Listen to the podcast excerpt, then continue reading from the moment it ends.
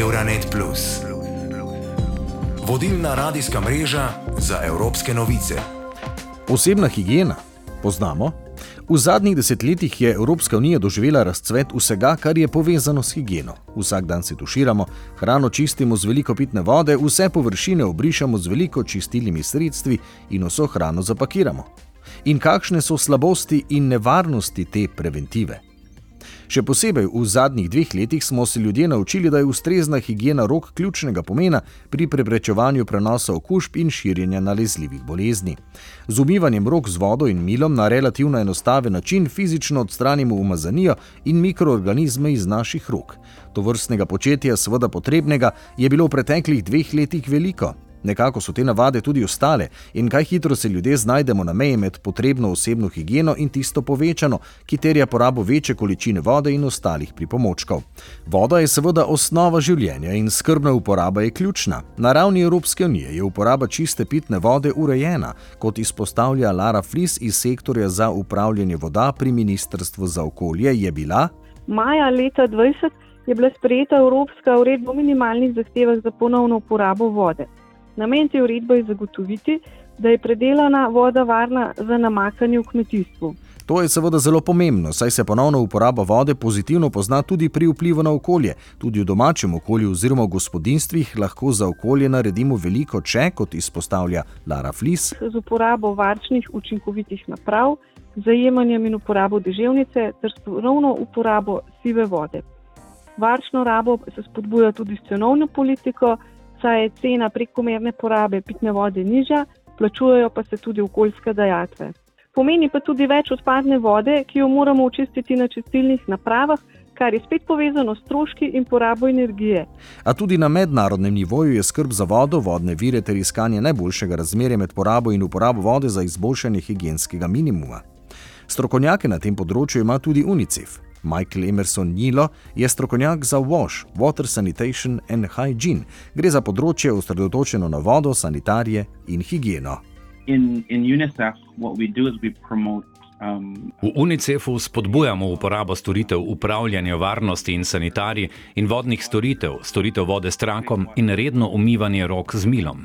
Menimo, da če imate dostop do te osnovne storitve WASH, boste lahko preprečili bolezni, hkrati pa boste lahko imeli dostojanstvo, ki je povezano s tem, da ste nekdo, ki ima dostop do teh osnovnih človekovih pravic.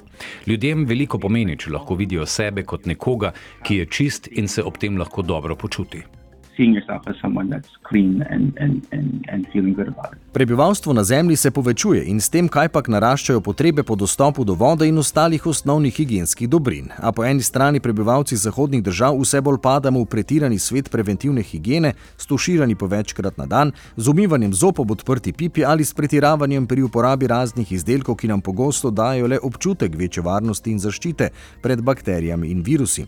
Ko pa temu dejansko ni zmeraj tako, je pa veliko izdelkov, izdelkov, ki jih trg ponuja, slabo tudi za naše okolje, saj povečujejo uporabo omejenih naravnih virov. V Sloveniji, kot je že izpostavila Lara Flis iz sektorja za upravljanje voda pri Ministrstvu za okolje, dostop do vode ni otežen, saj smo zaradi svoje geolokacije bogati z vodnimi viri, ampak že na območju Evropske unije ni vse posod tako, kaj šele drugot po svetu. Michael Emerson Nilo iz UNICEF-a glede zavedanja o pomembnosti vode izpostavlja, da je. It's important for us Za nas je pomembno, da promoviramo vodo kot dragocen vir, tudi v državah, kjer ni pomankanja vode. Pomembno je, da se tako obnašajo vsi, ker to vpliva na druge reči, kot so denimo stroške oskrbe z vodo. Na koncu bomo morali vsi plačevati višjo ceno, predvsem zato, ker če želimo, da nam voda priteče do domačih cevi, moramo imeti dobro infrastrukturo za obdelavo in dostavo te vode do vsake pipe. Vodo pa je potrebno črpati iz naravnih in nacionalnih virov.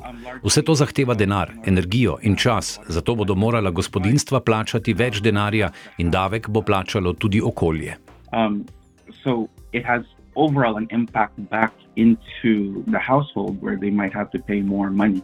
Da v Evropski uniji prebivalci prevečkrat pretiravamo, pa so prepričani že mnogi strokovnjaki, predvsem zdravniki in farmacevti.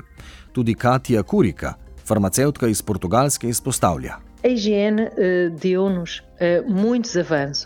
Higijena nam je dala veliko napredka in to je nesporno dobra stvar.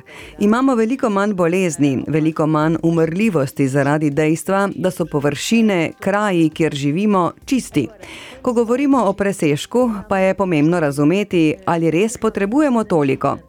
Ali smo torej iz časa, ko so se ljudje kopali enkrat na teden in ni bilo uste higiene, prešli v drugo skrajnost, Ljudje jemljajo več kot eno kopel na dan, se tuširajo večkrat na dan, si vsak dan umivajo lase in so ljudje, ki si umijajo zobe vsakič, ko dajo nekaj v usta. Razumeti moramo, da je to lahko tudi pretirano. Não é? Porque isto não é só dizer, ah, mas lavamos muito. Porquê que é o muito ou porquê que é o pouco e porquê que isto depende tanto de pessoa para pessoa?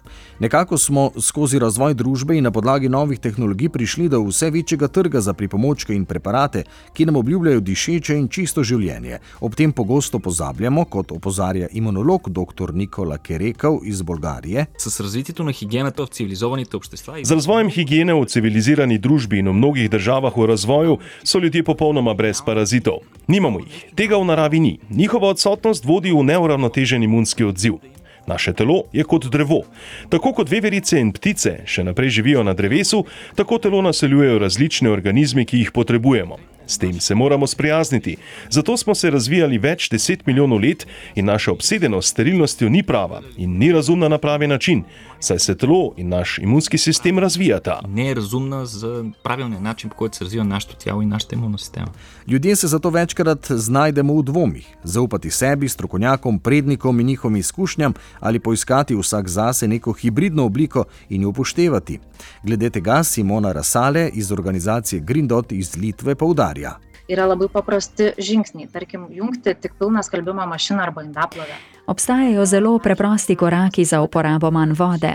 Lahko bi na primer prižgali le poln pralni ali pomivalni stroj. Prav tako ocenjujejo, da prhanje porabi štirikrat manj vode kot kopanje.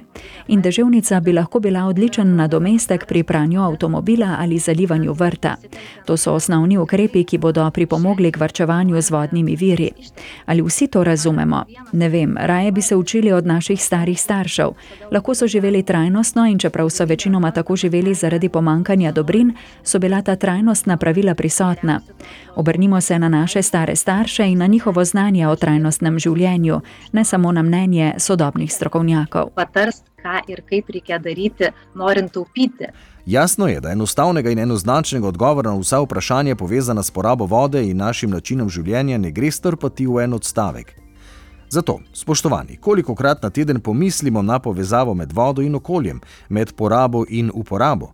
Ljudje, ki živimo v privilegiranem in socialno razvitem svetu, pogosto pozabljamo, kako pomembno je skrbeti za jutri že danes. Odgovornost do sebe in okolja se začne zdaj, pri vsakemu izmed nas. Natočimo si kozarec čiste pitne vode iz pipe in ozavestimo, da te možnosti nima vsakdo. Lahko čisto sreča zeleno, lahko, a le z ukrepanjem in odgovornim ravnanjem. Prispevek sem pripravil Borut Kampuš. Euronet Plus za boljše razumevanje Evrope.